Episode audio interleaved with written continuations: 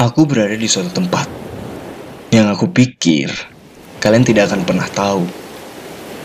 Aku tidak bersembunyi, aku tidak sedang menyendiri, dan aku tidak melarikan diri dari setiap situasi. Uh, bagaimana jika aku balik setiap kalimat yang barusan ku ucap?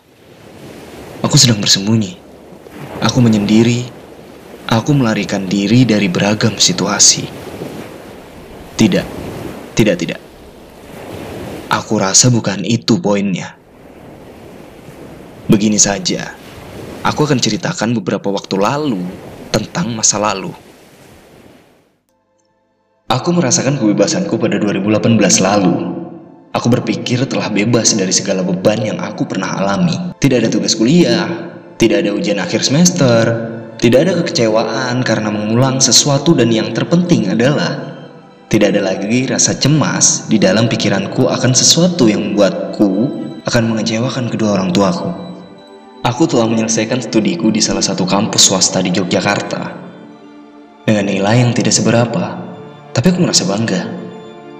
Membawa skripsi tentang Dota, membawa banyak pelajaran tentang tanda, membawa ambisi melangkah selanjutnya, bahkan membawa cerita lama yang saat ini telah membentuk diriku untuk selalu berlapang dada. Kupikir aku telah usai. Usai dengan segala kepenatan yang melanda. Ternyata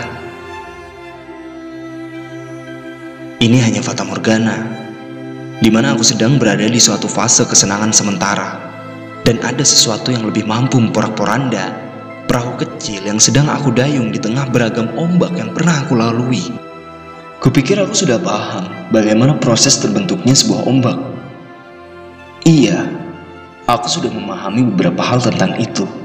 Ombak terjadi karena hembusan angin yang mendorongnya sampai tergerak. Tapi, akhirnya aku ingat.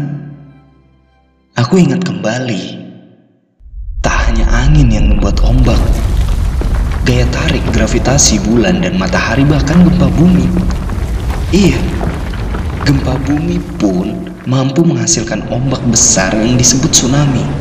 Sedang aku hanya mendayung perahu kecil yang kapan pun membuatku terombang ambing. Setelah itu aku tersadar, ini benar-benar belum berakhir. Aku masih harus melatih otot-ototku untuk lebih kuat lagi. Agar perahu kecil yang kudayung tadi tidak membuatku merasa iri. Iri dengan apa? Dengan mereka yang berada di sebuah kapal pesiar yang megah. Dengan banyak sesuatu yang mampu puaskan diri. Aku paham saat ini kapal-kapal besar itu juga menghasilkan ombak yang lumayan ketika melewatiku. Aku tak bisa hindari ombak dari kapal itu yang mencoba membelah air.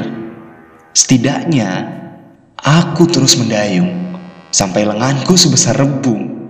Sampai perahuku juga membentuk ombak-ombak kecil di tengah perjalananku. Tunggu sebentar. Tunggu sebentar. Tadi aku mengatakan sesuatu benar. Aku mengatakan perjalanan. Iya, aku sedang berada dalam perjalanan. Aku sudah miliki perahu kecilku. Aku sudah mendayung sekian jauh. Aku kuras tenagaku sampai membesarkan lenganku. Perjalanan. Ini adalah sebuah perjalanan. Perjalanan. Perjalanan. Perjalanan seharusnya memiliki tujuan Ke mana aku akan berlabuh? Daratan mana yang sebenarnya aku tuju?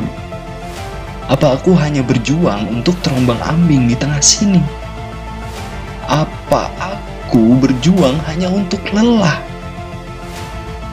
Ke mana aku akan pergi? Apa harus kembali karena aku tidak tahu sampai mana aku nanti? Pada akhirnya aku terdiam di tengah malam. Saat itu air sedang tenang Aku menatapi bintang, sembari berpikir untuk apa semua halang rintang ini. Sesaat kemudian, aku menyadari ternyata aku tersesat. Aku tersesat di tengah halusinasi perjalananku sendiri.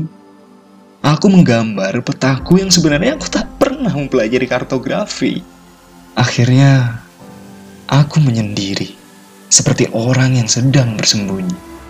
Awalnya aku pikir tidak melarikan diri, tapi saat ini Aku membutuhkan siapa pun yang mampu menghampiri, membawaku ke suatu tempat yang bukan di sini, di tengah air, di tengah perjalanan yang tak pernah bertemu akhir. Aku membutuhkanmu untuk segala kerja kerasku.